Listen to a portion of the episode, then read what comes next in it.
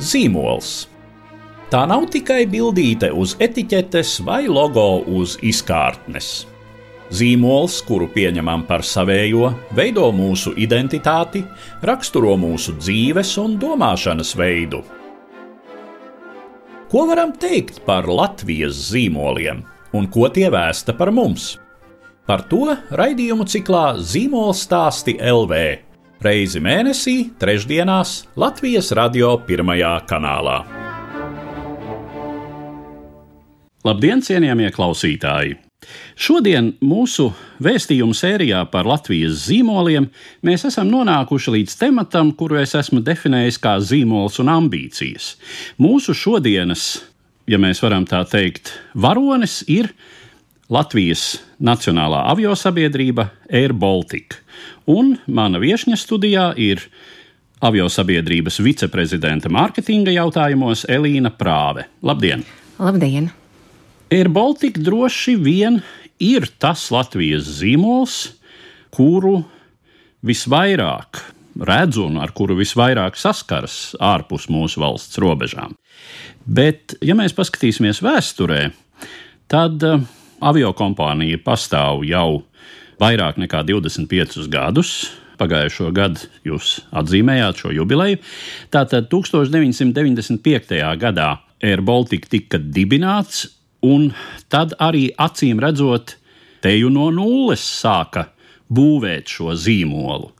Kas bija tas atspēriena punkts, cik no tā, kas bija līdz tam šeit, Latvijā, avio pārvadājumu jomā, nu konkrēti no tās nelaimīgā kārtā bankrotējušās avio kompānijas Latvijas, vai kaut ko varēja izmantot, un kādi vēl bija tie elementi, no kuriem toreiz būvēja šo zīmola pamatu. Nu jā, 1995. gads ļoti sen atpakaļ. Pirms tam, protams, bija jau aviokompānija Latvijā, bet tā jūs pieminētā bankrotējusi aviokompānija vieta tukša nepaliek. Un mums par lielu prieku toreiz Latvijas valsts kopā ar Skandināvijas aviokompāniju SAS nolēma dibināt tādu kopuzņēmumu.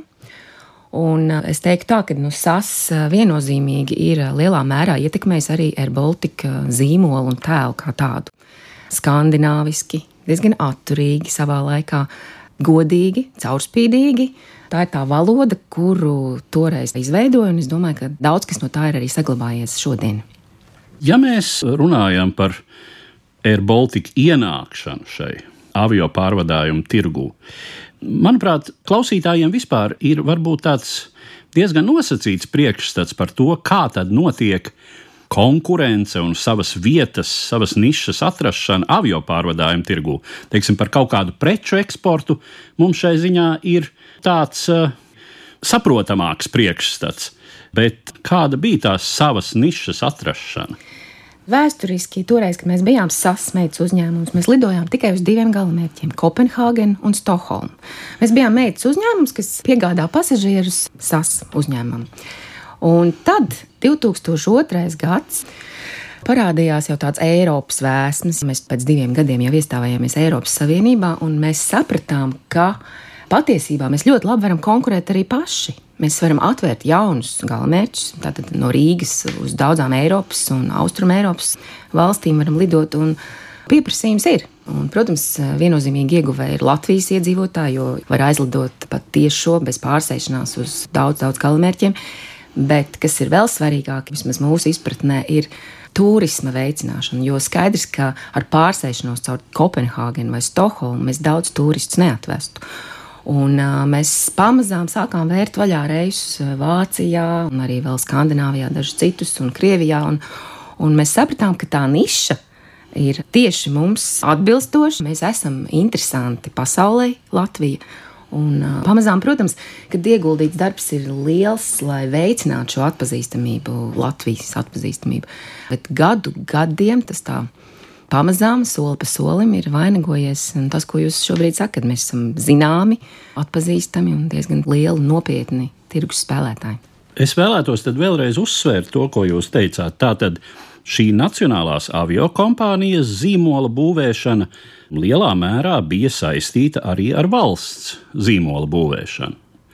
Ja jūs piesaucat turismu, bet droši vien arī kaut kādus biznesa kontaktus un tā tālāk. Protams, ka tas ir saistīts, bet uh, Tā pašā laikā nu, arī atceroties, kā mēs veidojām zīmolu, kad mēs beidzām tiešo sadarbību ar SAS, un mēs vairs nebijām tik klasiski. Uz lidmašīnu astēm vairs nebija tie tumši zilie kvadrātiņi, kā mēs saucām, diamanti vai Latvijas raksti. Vienā brīdī mēs sapratām, ka mēs varam būt daudz spožāki, krāsaināki. Mēs komunikācijā sākām izmantot augļus, putnus, Renāra Kaupera ierunāto palidosim kā devīzi. Tad vienu brīdi mēs pat izmantojam komunikācijā Olga Žitluhinas eh, deju trupas meitenes, kuras krāsainās kleitās fotografējās un, un tādā veidā spilgtināja mūsu reklāmas. Un, Vienā brīdī vēl bija tā, ka, kad notika tā pārēja uz jauno zīmolu. Mēs toreiz bijām SAS uzņēmums. Mēs kādu gadu izstrādājām jauno identitāti, to, ko mēs tagad pazīstam, to zaļo. Tā gada laikā mums bija tik liela brīvība. Mēs dejotājs izmantojām kā tādu um, reklāmu uz lidmašīnu astēm. Varbūt jūs pat atcerieties, katrai lidmašīnai bija cita dejotāja uz astes, cita bilde, cita krāsa ar tādām krāsainām kleitām. Tas bija tāds sevis pieteikums, cik mēs varam būt dažādi, cik mēs ļoti uzdrīkstamies eksperimentēt. Un uh, tas zīmols arī tādā veidā iegūtu savu vitalitāti. Jā, protams, pēc tam ir zaļais, visu pazīstamais, un mēs atgriežamies kaut kādos rāmjos un vairāk tādā korporatīvā identitātē. Bet tas gads, 2003. man liekas, bija, kad mēs tos eksperimentus veicām. Man pašai, protams, kā mārketinga profesionālim, tas bija ļoti interesanti. Un tas kaut kur ir vēl joprojām redzams tajā mūsu DNS, ja var teikt. Taisnība sakot, pirms apmēram 20 gadiem es atceros tādu sarunu, kurā kāds no Latvijas komunikācijas speciālistiem, es nesaukšu tagad vārdā, teica, nu jā, ar Air Baltica tur ir tāda problēma, ka viņi īsti nevar saprast, kas tad viņi ir. Viņi ir eh, lētā avio kompānija vai viņi tomēr ir eh, tomēr kaut kas smalkāks vai kaut kas pamatīgāks. Tātad eh, tas, ko mēs šobrīd lasām par Air Baltica, Tā ir apzināti izvēlējusies būt hibrīdā avio kompānija. Ko tas īsti nozīmē no tirgvedības viedokļa? Protams, pašiem no sākuma jāsaprot šis pozicionējums, jo pasažieriem un mūsu klientiem ir jābūt skaidrībai tieši tā, kas mēs esam gal galā. Un mūsu sadarbības partneri ir tradicionālās aviokompānijas, kā KLM, Air France, Lufthansa, SAS. Jā, viņi piedāvā pilnu pakalpojumu servisu, ir aviobiļets, kur ir iekļauts ēdienas, dzēriens, nododamā bagāža un daudz cits. Lētās avio kompānijas savukārt spēlē ar šo ļoti lēto cenu, bet viss cits ir jāpiepērk klāt. Un mēs, būdami nu, tādi, man liekas, ļoti demokrātiski, mēs sniedzam iespēju dažādām pasažieru grupām atrast to sev vēlamo. Tā tad ir noteikti klientu grupa, kas ļoti labprāt grib izvēlēties jau pilnu produktu ar visiem iekļautiem papildu elementiem, vai lidot biznesa klasē, vai arī, kas ir ļoti svarīgs aspekts, kā tās tradicionālās aviokompānijas, lido uz centrālajām lidostām jau lido uz Frankfurti, tad tā tiešām ir Frankfurts lidosta, nevis lielā diapazonā kaut kur tālāk. Un šajās lidostās, attiecīgi, ir arī citas tradicionālās aviokompānijas, un tur var pārsēsties un kombinēt lidojumus. Tas ir tas pluss, ko mēs noteikti gribam paturēt, jo ir cilvēkam tas ir svarīgi. Tieši tādā veidā mēs varam nodrošināt to lielo savienojamību no Latvijas, sadarbojoties ar tām tradicionālām aviokompānijām. Bet tad ir otrs segments, kuram cena ir svarīgāka. Mēs arī šeit varam piedāvāt ļoti lētas cenas, ja cilvēks laicīgi izplāno savu ceļojumu, un tad pēc tam piepirkt klāt attiecīgi, ko vajag. Un ļoti veiksmīgs ir šis biznesa modelis, patiešām, nu, vismaz šeit, Latvijā, Baltijā, es pat teiktu. Jo nu, nevelti mēs esam pārvadājuši 45 miljonus pasažieru pa šo laiku. Tas kaut ko liecina. Tas liecina, ka tas strādā un varbūt citās valstīs tas tā nebūtu, bet nu, katrā ziņā šeit šim reģionam, kur ir tik dažāda ir uh, auditorija. Es gribēju stāstīt par pieminēt to tranzīta pakalpojumu. Jā, un šeit ir būtiski pieminēt, ka ļoti daudz pasažieru no Krievijas, no Ukrainas izvēlās lidot caur Rīgu uh, uz Skandināviju vai Rietumu Eiropu, un viņiem savukārt ir ļoti svarīgs šis tradicionālais servis. Tā kā, jā, es uzskatu, mēs tiešām esam veiksmīgi atraduši savu, savu nišu, savu modeli. Ja mēs paskatāmies atpakaļ, tad nu, no šī brīža redzes punkta jau šķiet, ka Air Baltica ļoti apzināti ir veidojis sevi kā ne tikai Latvijas, kā Baltijas aviokompānija. It kā jau šis nosaukums no paša sākuma ir ņemts ar šo Baltijas apzīmējumu. Cik uh, apzināti toreiz tas bija, ka avio kompānija centīsies būt vairāk nekā tikai Latvijas, Rīgas lidostas avio pārvadātājs, ka tā centīsies kļūt par uh, nozīmīgu spēlētāju arī mūsu divu kaimiņu, Baltijas valstu tirgū, nu, kas ir zināmā mērā izdevies. Air Baltica šobrīd ir jau lielākais pārvadātājs arī Igaunijā. Jā, man grūti pateikt, kā toreiz šis uh, nosaukums tieši radās, jo to mēs nekur vēstures arhīvos neatrodam, un es pat vēl toreiz nestrādāju ar Baltiku. Bet man kaut kā liekas, tas tā ārkārtīgi veiksmīgi ir, ir sagadījies, jo arī toreiz sasmeitas uzņēmums bija arī Igaunijā, bija Estonian Air, un arī Lietuvā bija sava nacionālā avio kompānija, un arī tur bija vārdā Lithuania. Un tikai ar Baltiku nebija izvēlējies Latvijas vārdu savā nosaukumā, un kaut kā tā strateģiskā vīzija, nu visticamāk, jau viņa bija. Tā ambīcija, ka mēs esam te viducī kaimiņiem, un skaidrs, ka ar avio biznesu vienā mazā valstī uztaisīt ir ļoti nerentabli. Ja mēs nevaram piedāvāt tik plašu lidojumu galamērķu skaitu. Ir vajadzīga plašāka tā teritorija un, un viennozīmīgi, lai uzņēmums būtu rentabls, ir vajadzīgs lielāks tirgus. Un mēs Baltiju pat uzskatām par savu mājas tirgu, ja tā var teikt. Tad Baltija ir mūsu tirgus, un mēs Baltijā gribam būt pirmie, ne tikai Latvijā. Mēs visu laiku šeit runājam par to saistību tādam avio pārvadājumu zīmolam ar valsts tēlu. Un, zināmā mērā valsts zīmolu. Mums būs arī atsevišķa saruna par Latvijas zīmolu šajā raidījuma ciklā, bet eh, kā jūs to savā darbā esat izjutusi? Šis priekšstats par Latviju, par Rīgu, kā tas saskaņojas, kā tas ir salāgojams ar jūsu zīmolvedības politiku? Mēs apzināti esam daudzu gadu garumā popularizējuši Latviju kā attraktīvu, kā interesantu ceļojumu galamērķi. Un tas nav tikai kampaņu veidīgi. Tas ir bijis visu laiku, jo mums ir visu laiku svarīgi, ka ir pasažieri, kas izvēlās Latviju par savu galamērķi. Un es liekot roku uz sirds, varu teikt, ka mēs tiešām esam darījuši ļoti, ļoti daudz. Nu, sākot pieņemsim Latvijas simtgades svinībās, mēs nokrāsojām vienu no lidmašīnām Latvijas karoga krāsās. Pēc tam šos pašus svētkus atzīmējot, mēs veidojām konkursu sociālos tīklos, aicinājām Latvijas iedzīvotājus balsot par savu mīļāko pilsētu. Un tad uh, top 14 mīļākās pilsētas mēs uzlikām vai uzrakstījām blakus lidmašīnas durvīm. Tie ir daudzi mazie piemēri, kur mēs nemitīgi cenšamies stāstīt par Latviju, par Rīgu, par mums, kā valsti, kur patiešām ir vērts redzēt. Un te ir daudz, daudz piemēru. Pats pēdējais varbūt nav tik pazīstams saistībā ar kriptovalūtām. Tie ir tādi digitālie mākslas darbi, kurus tagad tirgo un cilvēki var iegādāties. Mēs šajos eh, digitālajos mākslas darbos sākam attēlot Latvijas pilsētas. Un tad šos mākslas darbus, attiecīgi par kriptovalūtām, ēteru, var iegādāties OpenSea platformā. Te var daudz stāstīt, daudz runāt. Es arī par um, Baltika Outlook žurnālu gribu pieminēt. Arī tas ir vēstnesis. Šī žurnāla saturs tiek veidots šeit, Latvijā. Izdevniecība Franks House nu jau daudzus gadus mums to dara. Un uh, arī tur ir, uh, ja jūs palasītu katrs žurnāls, un žurnāls iznāk reizes mēnesī, katrs žurnāls ir ar saturu, ar stāstiem par Latviju, par mūsu kultūras spīdekļiem, par uzņēmējiem, par dažādām jomām.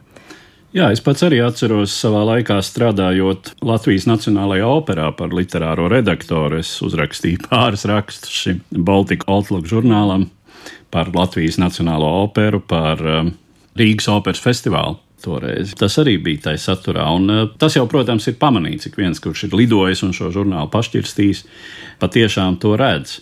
Runājot par citiem zīmola elementiem. Jūs jau pieminējāt šo zaļo krāsu, kas ir dominējošā, un, protams, tā ir eh, aci piesaistoša, šis luminiscējošais tonis. Kā tad eh, notika izšķiršanās par šo krāsu, kam arī pirmajā acu uzmetienā, nu, tas nav īsti tas, kas mums saistās ar kaut ko latvisku, kaut ko lokālu, ar kādiem siltajiem, brūni pelēkajiem vai zaļi pelēkajiem toņiem. Varbūt tieši pretēji Latvija ir zaļa. Latvijā ir daudz mežu. Nu, varbūt eh, mārketinga nolūkos zaļā krāsa ir mazliet paspilgtināta, bet mēs arī šobrīd eh, ļoti šo zaļo krāsu un šo komunikāciju saistam ar ilgspējību. Jā, mēs nākam no Latvijas, Latvija ir zaļa zeme, bet eh, arī mūsu ilgspējības un tādas korporatīvās atbildības politika arī tā ietver šo zaļo krāsu. Mēs esam pat nesen izveidojuši tādu speciālu preču zīmi, tāda lapiņa, kur ir rakstīts Think Green, Fly Green, tātad domā zaļa, lido zaļa, aicinot cilvēkus tiešām arī domāt par šo. Un mēs, kā avio kompānija, jā, mēs apzināmies, ka, protams, avio biznesa atstāja CO2 pēdas debesīs, bet uh, mēs esam tāpēc izvēlējušies apzināti tādu floti, kas ir viena no pašām draudzīgākajām lidmašīnām šobrīd pasaulē. Tas ir Airbus A220, un visa mūsu flote šobrīd tikai sastāv no šīm lidmašīnām. Tādā veidā mēs attīstāmies, ja mēs attīstām savu zīmolu. Nu jā, tā tad uh, ekoloģiskā atbildība, kas ir jums mm. būtisks aspekts, ko jūs arī būtiski komunicējat. Kas vēl ir tās lietas, kuras jūs primāri vēstāt par savu avio kompāniju, un varbūt uzreiz arī kādiem līdzekļiem, caur kādiem medijiem, kanāliem jūs to darāt? Viens no tādiem vizuālajiem arī varbūt elementiem, kuru es gribu pieminēt arī šajā sarunā, ir ķirsītis.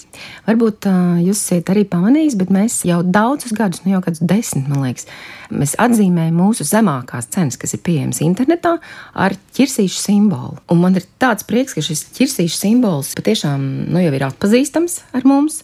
Cilvēki vēl tagad man zvana un prasa, kad būs ķiršu cenas atkal pieejamas. Viņi jau tiek lietotas šīs cenas jau šādā nozīmē. Un tur nu ir tas Latvijas karoga sarkanais.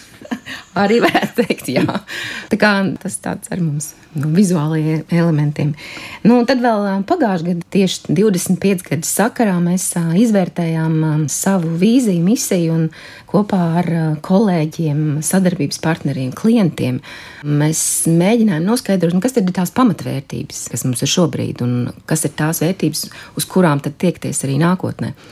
Un uh, mums izkristalizējās tādas trīs kurus mēs arī šobrīd komunikācijā ļoti bieži izmantojam. Angliski ir we deliver, we care un we grow, kas latviešu būtu mēs nodrošinam pakalpojumu augstākajā līmenī. Mēs rūpējamies par mūsu pasažieriem, par darbiniekiem, un mēs augam.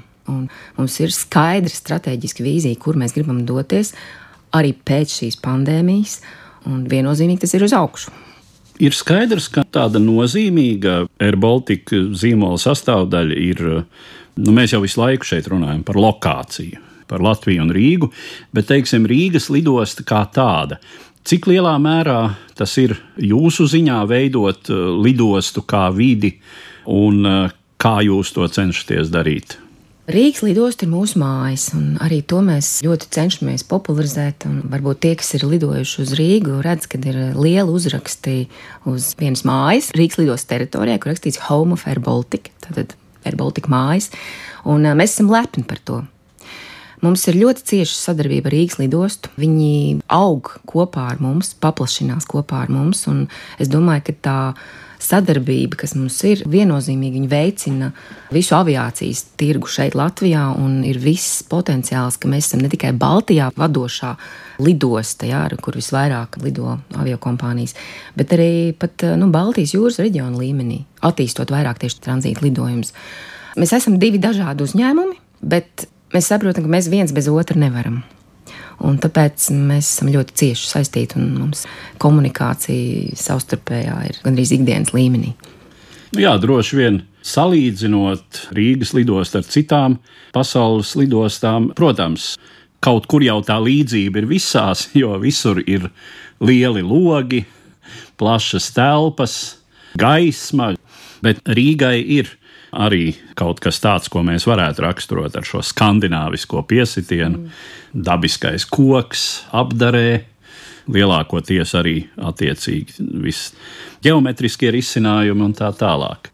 Protams, Air Baltica kā liels uzņēmums un joprojām lielākoties arī valsts īpašumā esošs uzņēmums, tas mēdz saņemt arī jautājumus publiskajā telpā, kas nevienmēr ir ērti jautājumi. Un, uh, tas arī ir avio kompānijas reputācijas moments. Protams, starptautiskā līmenī tas lielākoties neparādās. Pirmām kārtām jau laikam pretenzijas, kas izskan, ka valstī ir nācies daudz ieguldīt avio kompānijā, lai tā vispār varētu pastāvēt. Nu, un arī aktuāli šobrīd Nu, šobrīd varbūt tas ir tā saprotamāk. Ir patiešām globāla krīze, ir pandēmija, un to dara visas valstis. Atbalsta savus lielos uzņēmumus tā vai citādi, bet nu arī iepriekš. Nu, ir arī kaut kādi citi sīkumi, kaut kādi servisa sīkumi. Gara rinda lidostā, kur kāds ir nofotografējis un izlicis sociālajos tīklos. Lūk, pārāk ilgi bija jāstāv. Kāds noklīdis čemodāns, protams, arī un tā tālāk. Kā jūs mēģināt tikt galā ar šiem jautājumiem? Mēs ļoti labi apzināmies, lai mēs saglabātu savu tirgus līderu pozīciju, mums ir ļoti jārūpējas par servisu. Tas būs tieši tas, dēļ kā tad varbūt arī izvēlās tieši ar Baltiku, nevis zemo cenu avio kompānijas. Un servisam ir jābūt skaidrs, ka problēmas gadās, bet uh, svarīgākais ir, kā viņas risina, ka viņas tiešām arī risina, ka viņas ienāk mūsu darba kārtībā. Man ir lieliski kolēģi klientu apkalpošanas daļā, kas tiešām mēģina risināt visas iespējamās problēmas un kas ir svarīgi valsts valodā. Latvijā mēs esam pieraduši, mēs varam piezvanīt uz AirBaltiku un latviešu pajautāt, painteresēties, noskaidrot uh, trūkstošo informāciju. Un tas ir tas, kas varbūt arī blakus valstīs uh, mums kaimiņiem nav. Tātad servis ir viennozīmīgi svarīgs jautājums, un mēs to turpinam attīstīt un attīstīsim kas attiecās par nērtajiem jautājumiem, vai drīzāk otrādi valsts palīdzība mums ir bijusi. Mēs to, protams, ļoti novērtējam. Kas man kā no mārketinga viedokļa, laikam ir svarīgi, ka mēs izstāstam tādā caurspīdīgā veidā katram nodokļu maksātājam, kur tā nauda un kāpēc viņa ir vajadzīga un kā mēs gal galā atnesam atpakaļ. Jo, ja mēs neizstāstīsim to stāstu, kā cits izstāstīs un, un izstāstīs savādāk un varbūt arī nepareizi. Nu, skaidrs, ka ekonomiski domājot plaši, mēs saprotam, ka valsts iekšzemes koprodukts un viss tas, ko pienes ekonomikai, avio industrija vai avio uzņēmums, Tas ir domāju, diezgan saprotami, ja ir darba vietas un turisma joma attīstīta kā tāda, gan tāpat kultūras joma, jo visu, ko patērē viesi, kas atbrauc uz Latviju, tas viss taču ir ieguldījums ekonomikā. Bet um, paralēli mēs arī šogad, starp citu, uztaisījām tādu animētu video rullīti, kur mēs stāstam, kas tad ir avio bizness. Tātad, lai iegādātos vienu lidmašīnu, mums ir nepieciešams 100 miljonu eiro. Lai nodrošinātu tik daudz galamērķus, kā mums ir šobrīd, mums ir vajadzīgs nu, vairāk kā 20 lidmašīnas. Tātad parēķiniet paši, cik tomēr ir ļoti liels investīcijas nepieciešams tādai industrijai kā tādai. Un, protams, ir vēl tālāk tekošās izmaksas, kā visas avio degvielas un, un, un nomas līgumi, milzīgi izdevumi. Mēs šo visu arī centāmies tajā video rullītī pastāstīt pa izdevumu pozīcijām. Un tad savukārt no otras puses, kas tad ir, ja mēs lidojam, ja ļauj mums lidot, un līdzīgi kā bija pēdējie veiksmes gadi, 18, 19 gads, 19. gadu mēs noslēdzām ar 500 miljonu ieņēmumiem. Ar 5 miljonu pārvadātiem pasažieriem, kas ir milzīgs skaitlis. Un uh, pagājušā gada janvārs, februārs bija tikpat izcils, augšupejošs. Un, ja ir tādi gadi, kā tie pēdējie veiksmīgie gadi, tad mēs redzam, ka mēs to naudu varam atdot pavisam noteikti, un arī pat tiešā veidā, nodokļu veidā.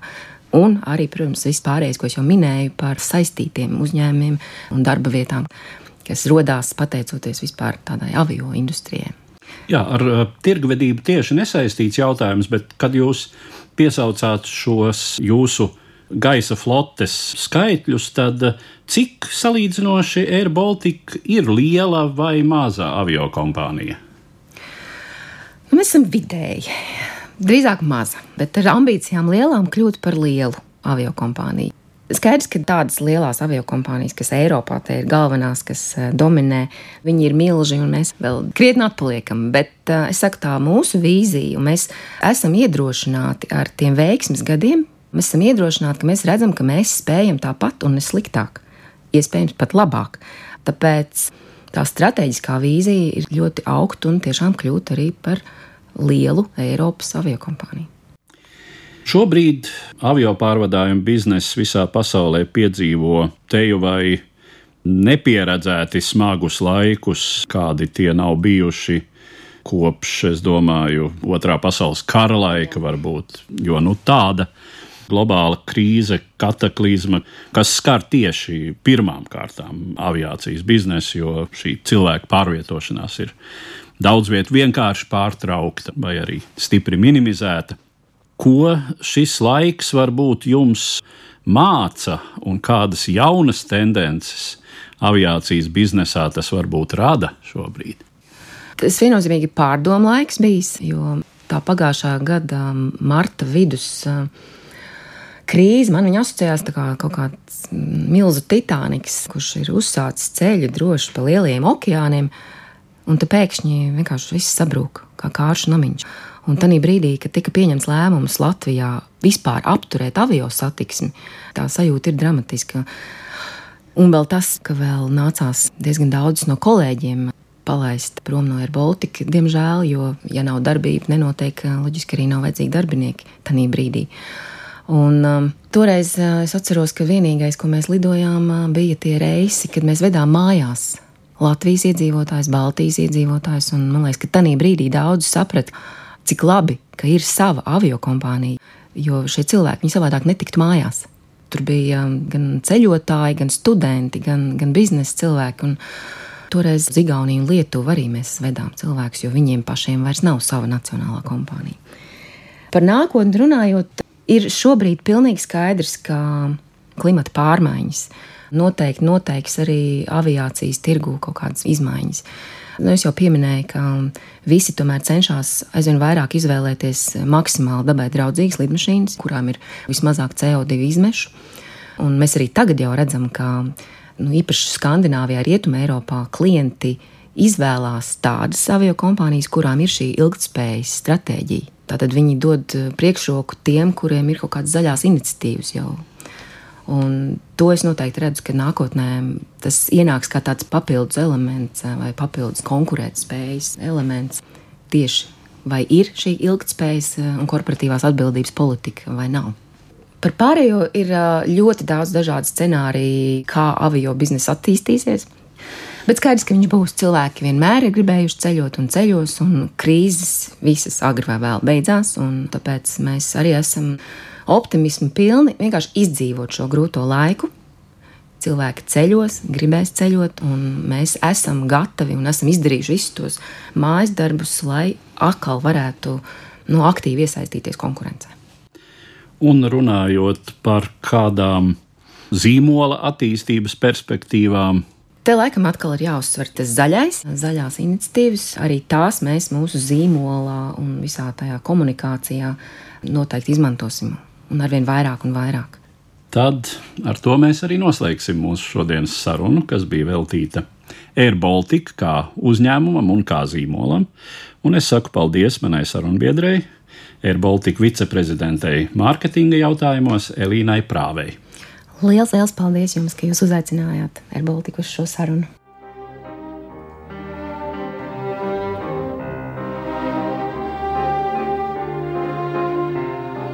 Ko varam teikt par Latvijas zīmoliem un ko tie vēsta par mums? Sarunas ar zīmolvedības teorētiķiem un praktiķiem raidījumu ciklā Zīmola stāsti LV. Reizi mēnesī, trešdienās pēc pulksten trijiem pēcpusdienā Latvijas radio pirmajā kanālā.